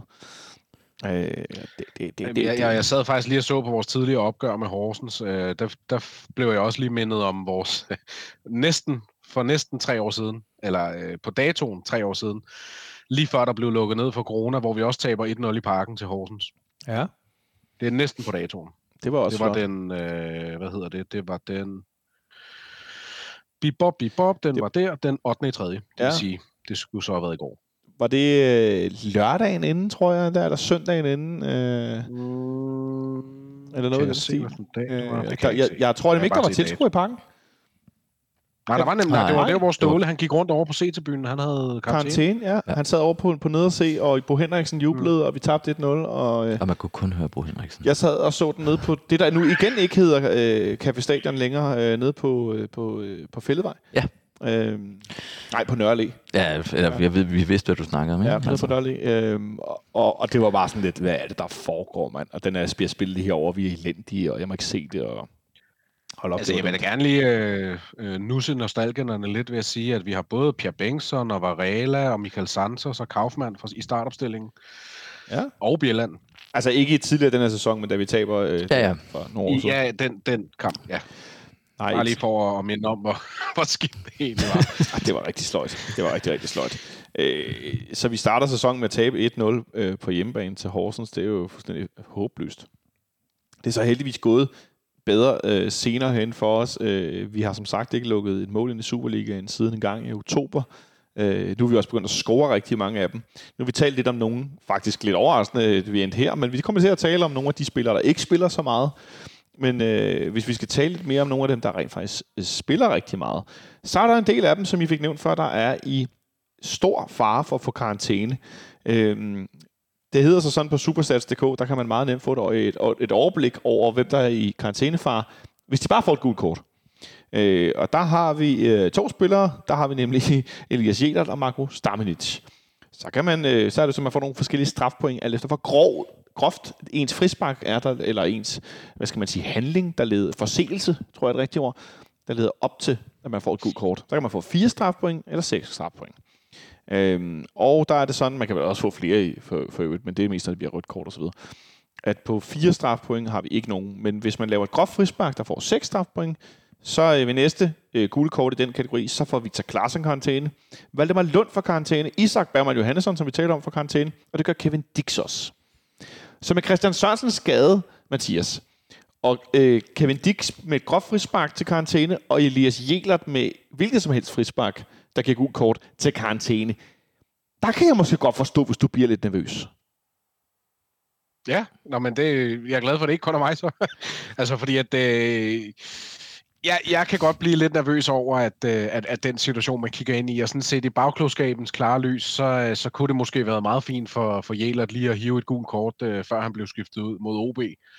Øh, bare gå hen og sige eller en lort til dommeren, eller jeg ikke, hvordan han skulle have fået det gule kort, men altså, det havde måske været meget smart. Øh, det, jeg synes jo ikke, det er så betryggende. I, vi, har, vi har snakket rigtig meget om den her besætning i, i vores defensive kæde, øh, i forhold til antallet af spillere, vi har. Øh, og det, det skulle lige passe, at vi, at vi hiver bare en af dem karantæne. Vi ved jo stadig ikke, om Rutscholava han er klar. Altså, Rutscholava han var ikke med mod, Nej. øh, mod OB. Nej. Øh, jeg har prøvet at sidde og læse lidt op på, øh, på Kvartibold og på Copenhagen Sunday, som ligesom er de to FCK-medier, der følger den daglige træning og alt det der. Jeg har ikke set Rutscholava nævnt nogen steder overhovedet. Øh, og jeg har bare lidt en idé om, at man vil have set en eller anden form for opslag med, åh, Rutscholava træner med igen, eller forventes klar, eller hvad ved jeg. Jeg har ikke læst noget som helst. Nej. Og det giver mig, det giver mig lidt dårlig fornemmelse, må jeg sige. Ja. Det vil sige, at så står vi uden både Rutscholava og Christian Sørensen i en firebakkæde. Og så er det måske okay en startopstilling mod Horsens, men hvis vi så lige rammer det forkerte gule kort, hvordan ser det så ud på hjemmebane mod Viborg? Ja. Runden efter. Så lad os, øh, lad, lad os lege, at øh, du, Lars, kan vælge om enten øh, Elias Jelert eller Kevin Dix for karantæne i kampen i Horsens, og så dermed er ude mod Viborg i næste weekend igen. Jamen, Hvem af dem vil du så helst tage i karantæne? Kevin Dix. Men, um, men så med håbet om måske, at Kutsulava alligevel kan spille, eller Valdemar Lund heller ikke ryger i karantæne, fordi så tænker man, så er vi jo først virkeligheden øh, på røven, fordi Kevin Dix kan jo trods alt måske afløse et øh, centralt forsvar. Ja. præcis. Øhm, det er jo et puslespil, hvor man sidder og tænker, godt jeg ikke er, er cheftræner i den her, men jeg, hvis du spørger mig om de to spiller sådan helt, og ikke sådan helt nøgteren, skal begynde at forholde mig til, hvem der eventuelt ikke spiller mod Ej, vi taler om i den her situation. Den her givende situation. Hvem, hvem, hvem, hvem vil du så øh, jeg have synes- jeg synes- jeg synes- to? Jeg synes stadigvæk, at Elias er en større impact-spiller lige pt. end øh, Kevin Dix er. Mm. Og Kevin Dix, sandsynligheden for, at han får øh, karantæne også. Altså han har en tendens til at lave nogle, nogle udfald, hvor man sidder og tænker, Jesus, altså, hvad fanden lavede du lige der? Ja. Øhm, og lige nu, lige nu er, er der så meget momentum på, på Jelert, at øh, ham vil jeg bare gerne se spille. Han virker, så- altså, han har det, vi har brug for, ikke? Altså lige nu. Ja. Altså optimismen, fart. Men faktisk så kan Kevin Dix jo dække tre pladser i vores bagkæde. Ja. Han kan nemlig både spille venstreback, og han kan spille højreback, og han kan også spille midterforsvar. Men... Hvorimod, altså, øh, Jæler kan også spille højre og venstre, men han kan ikke spille ja. Midterforsvar. Eller jeg tror nærmest, han kan flyve, hvis han har lyst. Præcis. Men, men, men øh, vi har i hvert fald ikke set det, og jeg tænker også, at hans højde gør det lidt øh, besværligt. Ja. Især mod Horsens eller, eller Ja, men det, det er jo fordi, jeg stadig forudsætter, at Valdemar Lund stadigvæk kommer til at spille og alt muligt. Ellers så, at man bare brager stammen ind i et centerforsvar, hvis det hele går galt, ikke? Okay, ja, det kunne man Han selvfølgelig er også. høj. Hvad med dig, Mathias? Vil du helst have Kevin Dix eller Elias Jæler i karantæne? Hvis du nu skulle vælge en af de to. Jamen, jeg vil sige, at uh, som udgangspunkt, så er jeg jo selvfølgelig enig med, hvad Lars siger, at, at uh, Jelert, han er, han, er, han har været en af vores to bedste spillere overhovedet her øh, efter vinterpausen, så selvfølgelig vil man gerne beholde ham. Men jeg tror faktisk, jeg vil sige, at så, så, så vil jeg gerne have, at han får, at det så er Jelert, der får karantænen, fordi jeg vil hellere have, at han afstår karantænen mm. i en hjemmebanekamp mod Viborg, end den første slutspilskamp, som lige så vel kan være en kamp i Nordsjælland, eller det kan være en kamp i Silkeborg øh, eller et eller andet sted, hvor det er på udebane mod, mod en modstander, der kan være, der kan være svært. Og det er ikke noget forklejende af Viborg, men, men, men med den øh, tankegang, så vil, så vil jeg gå med, at Jæler får karantæne, simpelthen for at få det overstået. Ja. Men, øh, men hvis jeg kun skal snakke om den specifikke kamp mod Viborg, og slet ikke tænke andet end det, så vil jeg selvfølgelig vælge Dix. Det, Okay. det, det, det må være åbenlyst for de fleste. Altså, det kan jeg også følge dig i. Altså, det der med at få den overstået. Men, men nu var det jo... Sagde, Ja, ja. Jamen, sagde- jamen, det var også bare for, for at være... Ej, jeg ved, jeg er fuldstændig enig med dig. Fordi vi, vi, det, men det er jo det der, det er det der er det forbandede ved det. Altså, med at skulle kigge på de lange træk hele tiden. Ikke? Altså, vi skal, og vi har jo også sådan, altså, i forhold til skader og holde folk i gang. Altså, vi har også nogle pokalkampe endnu, ikke? Øhm, og det virker som om, at vi har nogle spillere, som er sådan lige på nippet til hele tiden at, at, at kunne gå i stykker, ikke? Øhm, Vavro har også haltet lidt rundt øh, i nogle kampe, hvor man sidder hver gang sådan lidt, åh oh, nej. Og, øhm, Mhm. Så, der er jo masser af faremomenter rundt omkring. I, især i defensiven, synes jeg. Ikke? Og det, er jo der, vi, det er der, vi er. Masser af det, det er jo meget defensivt, ikke? Altså, jeg synes jo det her med, at vi indtil videre i de tre Superliga-kampe, vi har spillet indtil videre, og potentielt også for Horsens kamp min kommende weekend, ikke har haft vores alle, alle tre af vores forsvarsspillere øh, klar. Vi har ikke haft dem klar endnu samtidig, og det, det, det synes jeg er, øh, er, er faretroende, fordi at så er det i mit hoved, pessimistisk måske, men så er det i mit hoved et spørgsmål om tid, før at det er to af dem, der ikke er klar. Øhm, og det, det synes jeg ikke er den fedeste udsigt at have frem til et uh, mesterskabsslutspil. Og det kan godt være, at vi har hentet øh, nogle point på Nordsjælland. Og det kan godt være, at Nordsjælland bare ikke er så god, som det var i efteråret. Det, det, det, det vil tiden vise. Men øh, det kan i hvert fald godt gøre mig nervøs, og, og det, kan, det kan vende hele situationen fuldstændig rundt på hovedet. Der er i hvert fald masser af muligheder for, at det kan komme til at spille en afgørende rolle. Det så vi jo sidste forår, hvor at, øh, Peter Ankersen gik fra at være også sådan lidt ind og ud af holdet. Kevin Dix var mest højre bak. Og, øh, og så pludselig stod vi øh, med en situation, hvor Kevin Dix så spillede rigtig mange kampe som vensterbak med skiftende held. Øh, og mange kampe, det var han, det var tydeligt at se, det passede ham overhovedet ikke. Øh, og så spillede Peter Ankersen igennem i, som højreback, så det, det lå sig gøre. Vi vandt mesterskabet, men det var ikke, fordi det var optimalt. Øh, det var mere øh, på trods, vil jeg sige, også med, kvad det her. Ja, og det, det er faktisk, og det sjove er, det er jo faktisk ikke engang så meget bakpladserne, vi bør være bekymret for. for altså, Elert har jo også bevist, at han sagtens kan begå sig som vensterbak i, i mangel. Det må man sige. Han kan sagtens spille venstreback. Der var jeg meget beskeden i virkeligheden der, men så det er jo, det er jo som, som, som Mathias så siger, det er, jo, det er jo de to centrale pladser, ikke? Altså, som lige nu i forvejen kun dækkes af to spillere, eller tre spillere lige nu, ikke? Ja. Altså, hvor den ene er skadet, og den, den, ene, den anden er i umiddelbar karantænefar, og den tredje kan også gå i stykker nærmest hvornår som helst, fordi Ja. det, det virker i hvert fald som om der, ikke? Så, så, så, så bakpladserne er sådan, det er sådan, altså selvfølgelig vil jeg gerne have haft Christian Sørensen til at spille, det er slet ikke noget, men Han lignede en, der egentlig var ved at, præcis, at være og det var, der. skide, det var, det var, det var virkelig ærgerligt for ham, Ja. for jeg synes faktisk også, han, altså, der var kommet noget, der, der var virkelig kommet, øh, eller noget, noget relation imellem den måde, han skulle spille på, og, og løb og sådan noget lignende, ikke? Altså, ja. det er jo ikke VK, men... Øh, Nej, nej, men, men han var begyndt at ligne en, der var der. Præcis. Og han har, øh, havde fået nogle bolderobringer i sit spil og nogle forskellige ting. Ja. Men, men Mathias, nu har vi set over i Horsens, at øh, fodboldbanen den ikke har været det bedste. Og nu har folk jo altid haft travlt med vores bane her, og jeg har også godt set billederne på tv, men når man står herinde, så kan man ikke se det. Man kan simpelthen ikke se det, og jeg har prøvet at stå en del... Jeg gik rundt en del steder i søndags og prøvede at stå på tribunen inden kampen fordi jeg kom ret tidligt herind, og det var skide koldt, så jeg bevægede mig lidt rundt. Og jeg stod på C10, der hvor jeg står. Jeg var nede og stod på anden række. Jeg var nede i den anden ende ved C2. Øh, og, og de der pletter, som man kan se tydeligt på tv, dem kunne jeg faktisk ikke se. Øh, så jeg tror måske på A-tribunen, og måske endda på øvre A, der tror jeg, de er lidt tydeligere. Men over for C-tribunen, der var de altså ikke øh, tydelige. Og så vil jeg også indskyde, at for mig er en af de gyldne øh, sådan, øh, regler eller øh, fingerpeg med en dårlig bane, er, når nogen laver en glidende takling, så tager hælen tit banen. Og så laver den en streg, eller den laver et hul, eller den samler en bunke græs, der bliver ligesom skrællet op. Det ser vi bare overhovedet ikke. Altså som i slet Nej. ikke. Den, står bare, altså, den bliver nede banen. Og det synes jeg for mig er et af de allerbedste tegn på, at den er rigtig god. For det der med en løs bane, som man, øh, altså, så kan det godt være, at vores unge ven Askefobi, han gled. Men det, i forhold til, hvordan vi tidligere har set folk ja, skøjte rundt herinde, ja. både om sommeren og om vinteren, så synes jeg godt nok, det er noget anderledes oplevelse.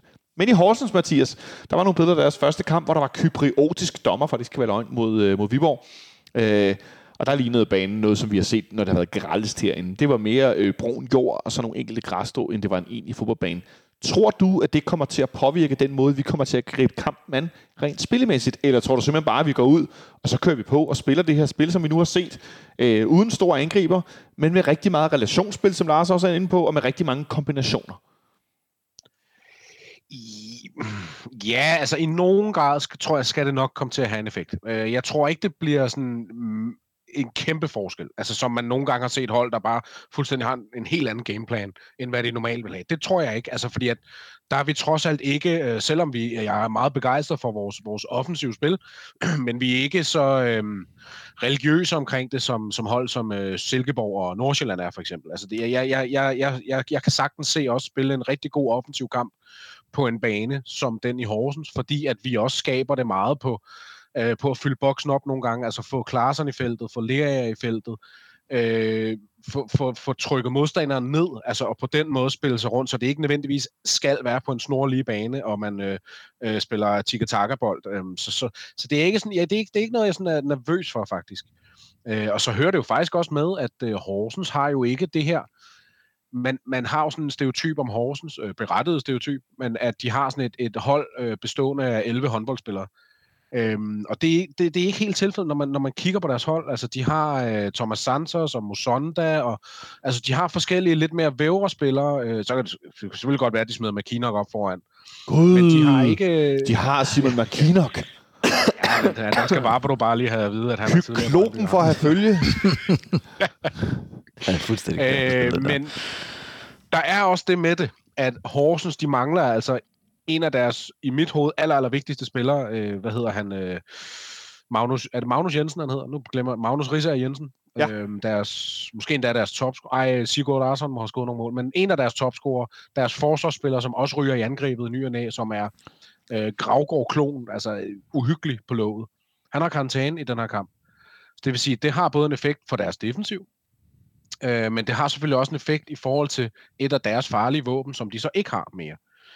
Øhm, og det, øh, det, det synes jeg også taler til ja, helt, helt åbenlyst til vores fordel, både i vores defensiv, men også i vores offensiv. Fordi det gør altså også, at vi ikke nødvendigvis er, er så meget øh, underbemandet, hvis man kan kalde det det, i felt. Altså Lukas jeres hovedstyrke, hovedstadsstyrke kender vi alle sammen. Klaasen er også rigtig god til at tage det løb. Havkon er sådan nærmest Paul, Paul scholes på det punkt. Altså han er ikke, han er ikke så høj, men, men han er jo faktisk, han er jo faktisk øh, okay god til at tage løbene og ligesom øh, time det, øh, og komme ind og, og være en eller anden form for trussel. Og sådan kan man blive ved. Øhm, så jeg synes ikke, at det er så svær en opgave, som det tidligere har været. Nej. Altså hvor at, at Horsens tidligere, der vil man tænke, okay, hvordan skal vi... Altså de stiller sig bare ned med, med et kæmpe hold. Hvad skal vi gøre her? Hvor det, sådan ser jeg det ikke. Jeg synes ikke, de har det, det, det matchup på deres hold. Nej. Øh, du er lidt inde på nogle af de her spillere. Det er sådan, at Horsens øh, tre mest scorende spillere lige nu, eller to af dem har scoret tre mål. Det er nemlig øh, Magnus Jensen, deres forsvarsspiller. Så er det også med tre mål vores før øh, omtalte ven, øh, Lubambo Musonda. Det er altså, altså det, det skider jeg på, det er et fedt navn. Så har øh, en gammel kending af Superligaen jo i det hele taget, Anders K. Jacobsen, som stadig er aktiv øh, i Horsens. Han har scoret fire mål. Og så er deres topscorer før øh, omtalte Aaron øh, Sigurdarsson med... Øh, øh, hvad hedder det, med seks mål. Det er meget fedt, der er en i Horsens, der hedder Sigurd Darsson. Darsson, ja. Det er meget fedt. Det kan jeg sgu meget godt lide. Øhm, og så, Islandske angriber i Horsens, det kan noget. Ah, det kan noget. Det skal man altså ikke tage fejl af. Øhm, altså, nu sidder jeg her og kigger ned over deres trup. De har også andre Superliga. Øh, de har nogle lidt, gang, lidt glemte Superliga-spillere. En, en, for mig en legende som Malte Killerik. Det er altså, øh, for det første er det et fedt navn, og for det andet så er det også en, som, som har været i Superligaen i flere omgange. Øh, det er nogle gange meget... Janus, Janus Drakman også. Øh, men i hvert fald så, øh, Lars, altså... Øh, banen er ikke så god. Mathias er lidt inde på, det kan godt være, det bliver lidt anderledes. Hvad forventer du der af den her kamp? Jamen, jeg tror, jeg synes faktisk, det var, det meget, meget imponerende sådan analyse. Jeg, jeg, jeg, jeg, jeg kan næsten tilslutte mig. For jeg kom til at tænke på, at jeg sad og så, det var så foråret godt, eller efteråret godt nok, jeg sad og så dem mod Nordsjælland, hvor de jo vinder 1-0. Øh, og det, I en og vild fodboldkamp. Præcis. Og, og jeg kunne, jeg, altså, nu håber jeg ikke, resultatet gentager sig, men, men, men, men der lå de, altså, de kunne have presset, altså Nordsjælland havde dem jo, altså Nordsjælland burde jo ikke have tabt den der kamp. øh, og jeg, nu husker jeg ikke, om banen var meget bedre. Jeg tænker, den var meget, eller en del bedre, end den er, er nu her på, på søndag. Øh, men, men jeg er jo er rimelig, igen, jeg er rimelig fortrystningsfuld, for nu selv siger det der med, at vi kan faktisk altså kan sagtens gøre de ting, øh, der kan gøre ondt på dem, selvom vi ikke spiller øh, snævert fodbold øh, med, med, med bolden ned langs øh, jorden hele tiden. Altså, de dybde løb, der kommer, øh, nu nævnte jeg igen, jeg, jeg er kæmpe fan af Lukas Lea, men, men, men den, de løb, han, han tager, ikke? de gør ondt på hvem som helst. Øh, hvis klasserne er tilbage, så får du også en spiller, der kan, der kan ligge og true i, øh, i, i mellemrum og sådan videre. Så, og, og, og, den måde, vi spiller på, altså der, der, vi har så mange, efterhånden så mange, det, det, igen, det er lidt en floskel, men, men så mange strenge at spille på efterhånden, ja, ja. så, vi, så vi, vi kan faktisk godt adaptere til, hvordan nu situationen er øh, uden igen at gå på kompromis med den måde, vi spiller for. For det virker som om, at, at Næstrup jo, eller det har han, det siger han jo selv, altså, der, vi er meget sådan, han har et koncept et eller andet sted, ikke? Altså, vi skal spille sådan her, men ikke nødvendigvis, at det skal være sådan hele tiden, at det skal være snævert. Men, men vi kan også, vi kan også, også øh, ja, netop tage altså, nogle bolde, hvor det, hvor, hvor det, det øh, det, det, det bliver afgørende. Altså, vi kommer ind og, og med hovedet, selvom ja, ja. vi ikke har en stor angriber, så ja, har, vi, har vi nogle spillere, der kan det, ikke? og vi har nogle teknikere, der kan der kan komme fri og lave indlæggene til den slags. Ikke? Så. I den føromtalte kamp mod FC Nordsjælland, der, øh, der vinder Horsens 1-0 efter at have haft 29% boldbesiddelse på hjemmebane. Øh, de har øh, øh, fire skud på mål mod FC Nordsjælland, syv, og Nordsjælland har 16 afslutninger af alt, og de har 15 hjørnsbak. Øh, altså, at, at de er presset så meget ned, FC Horsens den her kamp. De står næsten og forsvarer hele kampen. Det mindede mig... Ja, er det ikke Magnus Jensen, der scorer i den kamp? Jo, det er nemlig. Den er jo, det, er det, nemlig. det minder mig... En, jeg ved godt, det kan sammenligne, men det minder mig en lille smule om det Nordsjælland lavede i Silkeborg i weekenden, og hvor de taber øh, 2-1, hvor de også har bolden mest, mm. og de er, altså, de er mest på. Det er dem, der er bedst, men de kan ikke helt få det, få det gjort færdigt. Øh, men i hvert fald en, øh, en, en kamp, Mathias, som... Øh, ja, som, som, som jeg tænker skal pege fremad endnu en gang, og vi skal se, om vi kan holde nullet endnu en gang. Øh, men hvad ender den her kamp på søndag i Horsens, Mathias? Jamen, jeg, jeg føler næsten, jeg stjæler den for Lars, fordi han, han sagde det tidligere, men, vi må men, godt men være enige. mig for at sige 2-0. Ja? Jamen, ja, jo, ja. Jeg, jeg, jeg, jeg føler for at sige 2-0, men det er også fordi, at de sidste to gange, vi har været i Horsens, der har vi også vundet 2-0. okay. Øh, så der, der, der passer det godt.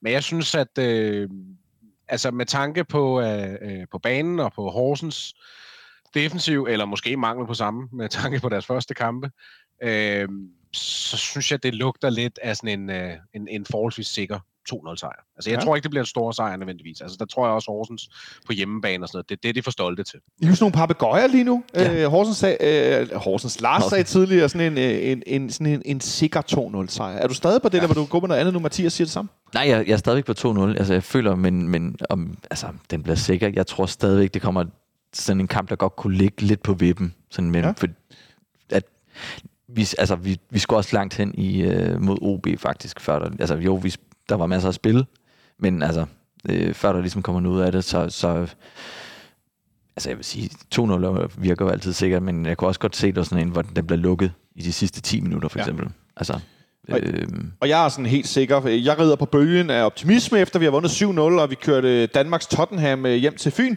Øh, så jeg siger, at vi vinder 4-0. Og jeg tror, det bliver øh, sådan lidt til sidst, som vi ser det også meget nu, at de andre hold, de kan øh, ved at spille med mere fysik, end de egentlig har til 90 minutter i starten af kampen, udfordres os rigtig meget, står imod rigtig meget, og så kommer vi ikke til så mange chancer. Men når der så er gået 60, 65 minutter, de begynder at skifte den første 1-2 spillere. Og alt efter hvem der starter, så sætter vi enten på toppen, sætter vi Jordan Larsen eller Havkon ind. Så skifter vi enten øh, Rooney, Darami, øh, Klarsson, øh, øh, altså Falk, Lea. Det, det, den, det her potpourri, den her brede palette af spillere, der er på højt niveau, som er blevet større. Og det kan de ikke stå imod. Nej. Så, så, så håber jeg, og nu, out, og nu markerede Mathias. Jamen, hvad siger du. Mathias? Sig lille ting her. Nå, ja, jeg, jeg, vil, jeg vil bare pointere, hvor, hvor, hvor vanvittigt det er, at vi slet ikke har talt om Darami nu. øh, bane eller ej, så øh, han har jo altså, brændt præcis, Præcis. præcis fuldstændig af i de her kampe. Ja.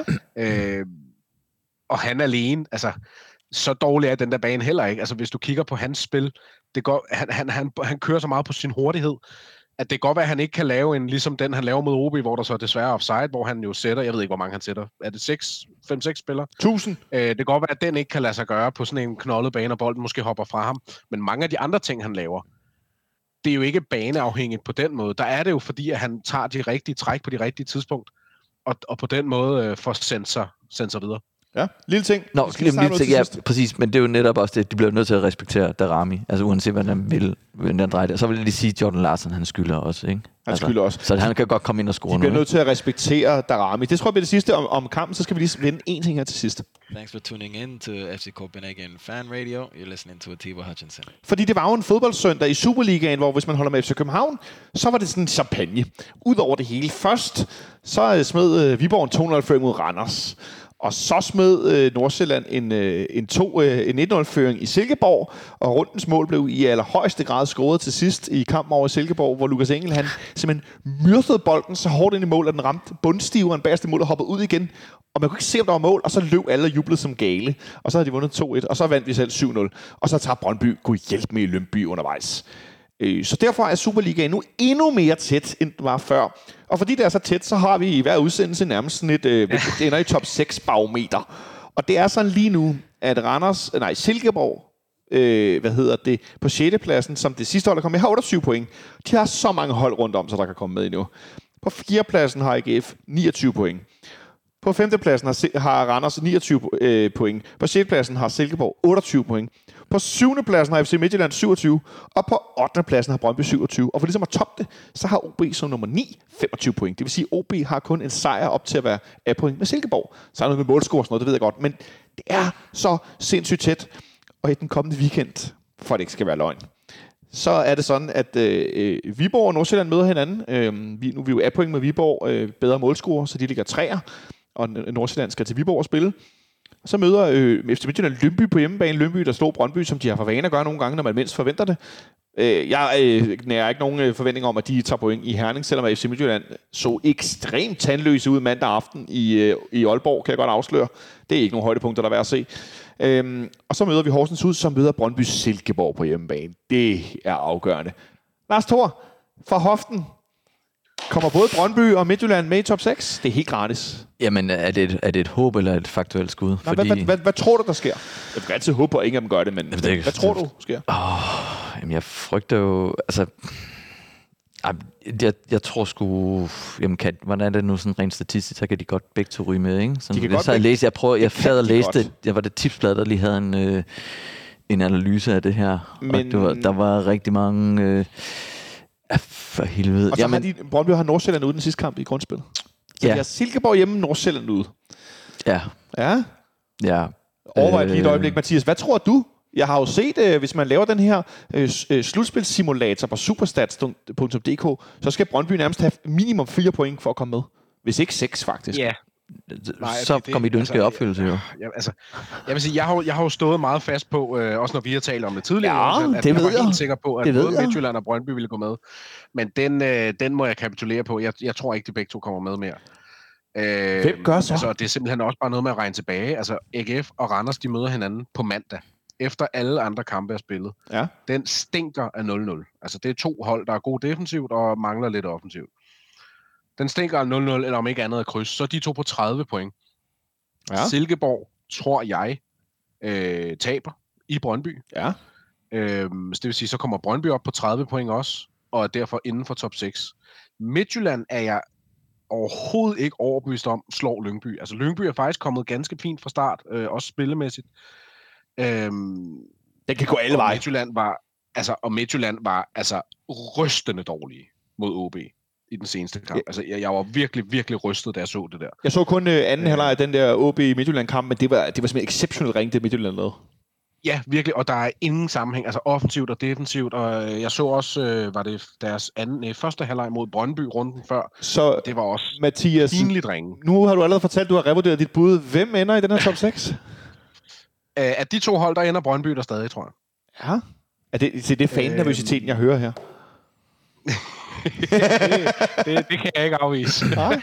jeg tror stadig, at Brøndby ender der. Øh, og det er også fordi, de har jo deres venskabsklub i, øh, i sidste runde, som, øh, som i forvejen ligger, at de er, de er af en anden form end, øh, end efteråret. Og det er selvfølgelig Nordsjælland, vi taler om her, hvis Ja. man skal være i tvivl. Øhm, men også to gode baner. Øh, det, det argument hørte jeg i Mediano, tror jeg også, at Brøndby de skal spille på to gode baner nu, hjemme mod Silkeborg og så i Nordsjælland. Jeg tror, at Brøndby de får de her lad, nu sagde du fire point, dem tror jeg, de får, og de kan også godt få seks point i de sidste to kampe. Så Brøndby tror jeg kommer med. Midtjylland tror jeg ikke på, Nej, okay. øh, må jeg sige. Det, det gør jeg ikke. Der, Så er, jeg så, Ja. ja. så er jeg så bare i tvivl om, hvem der får den. Hvad siger du, Lars? det- Jamen, her? jeg, jeg skulle lidt, lidt jeg, jeg er ikke... Øh, altså nu er jeg, jeg, jeg, jeg er sikker på, at øh, Johannes op i øh, Nordsjælland ikke vil lægge sig ned for Brøndby. Men øh, det, er så, det er så en anden side af sagen. Så den der venskabsting, den tror jeg øh, er færdig der. Øh, Den er død og borte. Den er død og borte. Øhm, så øhm, jeg tror, jeg tror faktisk også, at Silkeborg kommer til at overraske Brøndby Stadion. Kan du, kan du ikke uddybe det? Hvad? Hvorfor tror du ikke, at Nordsjællands træner ligger så ned i Brøndby? Øh, ligger så ned for Brøndby? Det, han, han, han kan ikke lide Brøndby. Han kan ikke lide Brøndby. Han kan ikke lide Brøndby. Fint nok. Okay. Han kan ikke lide Brøndby. Han kan ikke lide Han er Brøndby. godt opdraget. Han er nemlig godt op. Han er nemlig godt opdraget. Okay, godt nok. Øhm, Det tager vi. Det, altså, agenter rundt omkring i fodbold Danmark skal man ikke øh, bide skære af. Præcis. Det skal man ikke kæmpe. Så det, det tror jeg godt. Og, og, og deres mål er stadigvæk det mesterskab. Det, altså, så det kommer ikke til at lægge sig ned. Og jeg, er ikke- jeg, er ikke, jeg er ikke anden, anden lige sikker på, altså jo, okay, Brøndby hjemme. Jeg tror også, at Silkeborg kan, kan gøre noget der, ikke? Jeg glæder mig til at se, om øh, Tony Så- Adamsen han kan lave en, øh, en kontrascoring eller to på Brøndby Stadion. Øh, det bliver interessant. Øh, øh, hvad hedder det? Fra Tostrup, ikke? fra Tostrup. Ja. Ja. Søn, søndag aften øh, med Jakob Kele som dommer. Der ved man aldrig heller, hvad der sker. Åh oh, nej, du, åh, du sagde lige det magiske ord, Gillet. Jeg vil sige, i forhold til de her mennesker, der kigger meget på tal, og der har lavet de her simulatorer og så videre, de er sådan rimelig overbevist om, at det ikke kommer til at ske, at Brøndby kommer med. Øh, så normalt er jeg jo ikke til så meget til tallene, men jeg synes også, det lugter lidt af, at de enten begge to misser det, eller i hvert fald et af dem gør Brøndby Ja. eller Midtjylland. Vi er tilbage på mandag, og der er vi meget, meget, meget, meget klogere. Godt nok har vi ikke set den her kamp mellem, øh, mellem Randers og AGF, efter vi har spillet mandag aften, men stadigvæk så har vi weekendens resultater med. Og så skal jeg ellers love for, at der nok kommer til at ske lidt af hvert, fordi det er så tæt, som det aldrig har været om at komme i den her top 6, og i det hele taget i Superligaen. Det tror jeg sådan set var ordene for i dag, øh, Mathias. Du skal have tak, fordi du var med på en øh, landlinje fra Langbordistan. Jamen, det var der så lidt. Tak for det, og tak til dig, Lars Stor, fordi du kom herind og var med. Velkommen. Tak til dig, fordi du lyttede med til det, der var FC Københavns Fanradios udsendelse nummer 400 i rækken. Vi er så oppe på noget, der ligner 435 i alt, men det her er i hvert fald den med nummer 400 som optagenummer. Det sætter vi stor pris på, at du gør, og det håber vi også, du gør igen på mandag. Så til jer, der skal til Horsens, der ses vi, og til jer andre, god kamp på tv. Vi lyttes ved i næste uge.